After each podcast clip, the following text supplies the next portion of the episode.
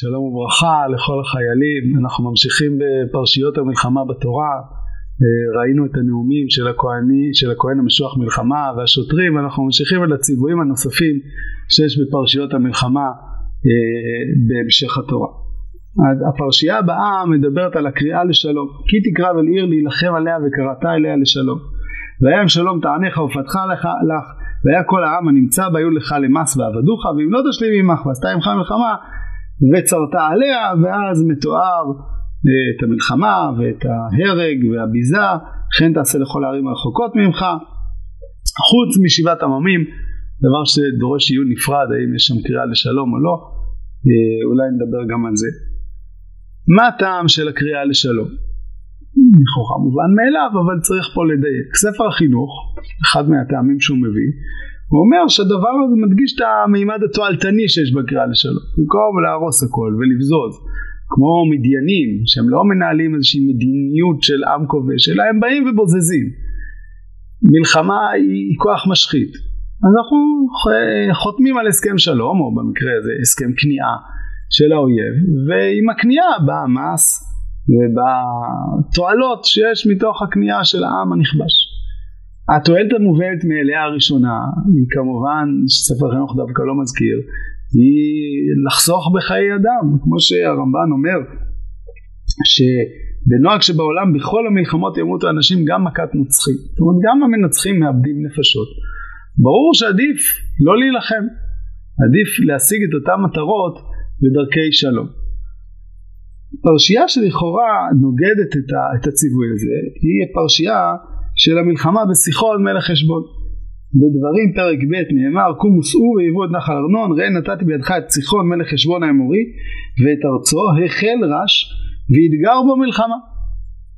הקדוש ברוך הוא מצווה ללכת להילחם ולאתגר מלחמה בסיחון מלך חשבון. ומה עושה משה? כן, היום הזה החל תת פחדך וירדך על פני העמים וכולי. מה עושה משה? וישלח מלאכים ממדבר קדמות אל סיחון מלך חשבון דברי שלום לאמור ברנה בארצך בדרך, בדרך אלך ואסור ימין ושמאל. הקדוש ברוך הוא אומר לך ללכת למלחמה ואתה פותח לשלום.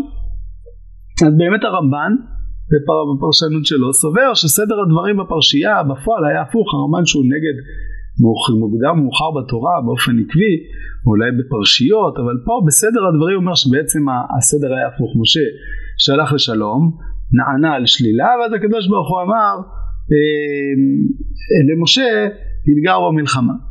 אבל הרלב"ג בהברקה נפלאה כותב שהציווי על המלחמה בעצמה הוא כולל את הקריאה לשלום.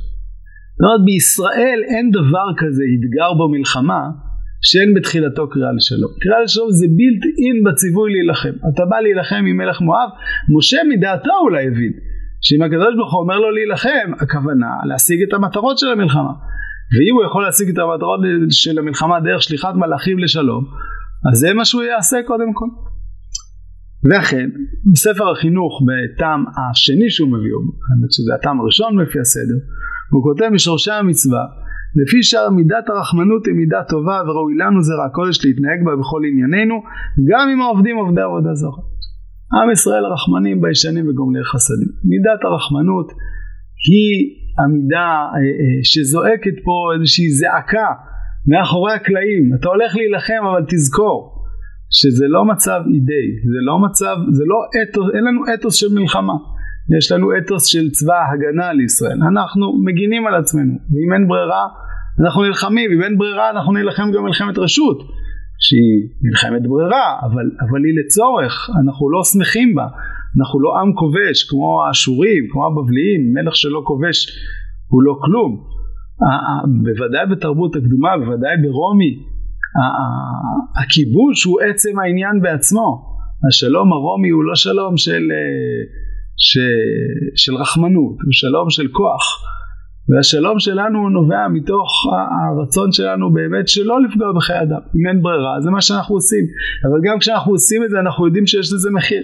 כמו שהנביא בספר דברי הימים אומר על דוד ואלוהים אמר לו תבנה בית לשמי כי איש מלחמות אתה ודמים שפכת דוד היה צריך להילחם את כל המלחמות שהוא נלחם הוא נלחם גם מלחמות ברירה ואולי זה גם, זה גם נקודה אבל המלחמות שהוא נלחם בסופו של דבר יש להם מחיר המחיר הוא שדבק בך מן הכוח, מן החספוס, מן האלימות, וגם אם אתה צריך להילחם את הדבר הזה, אחר כך יש לך עבודה, דוד אמנם חז"ל אמרו שהוא היה עדינו העצני, שהיה אה, אה, מקשה עצמו כעץ במלחמה ומעדן את עצמו אה, כתולעת אה, כשהוא היה בבית, אבל ברור שכל פעולה, גם פעולה טובה, היא פעולה שיוצאת מן האיזון, היא פעולה שהפועל אותה יש, נושא את המחיר על גבו.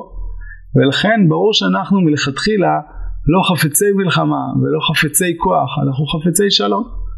ומה שאפשר להשיג בדרכי שלום זה חלק מהאתוס שלנו שדרכו אנחנו פועלים לפני שאנחנו משיגים את, הפ... את ההישגים שלנו בדרכים של כוח. לפעמים אין ברירה, לפעמים צריך להפעיל כוח, לפעמים אין עם מי לדבר לשלום, ואז צריך בוודאי להפעיל כוח.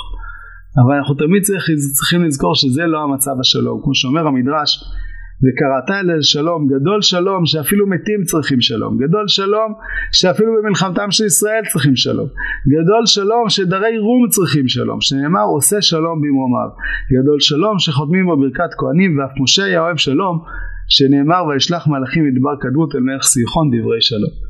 בעזרת השם יתקיימו בנו דברי הנביא ישעיה הדבר אשר חזה ישעיהו על יהודה וירושלים והיה באחרית הימים נכון יהיה בית הר השם בראש ערים ונישא מגבעות ונערו אליו כל הגויים. והלכו עמים רבים ואמרו לכו ונעלה אל הר השם אל בית אלוהי יעקב ויורנו מדרכיו ונלכה באורחותיו כי מציון תצא תורה דבר השם בירושלים.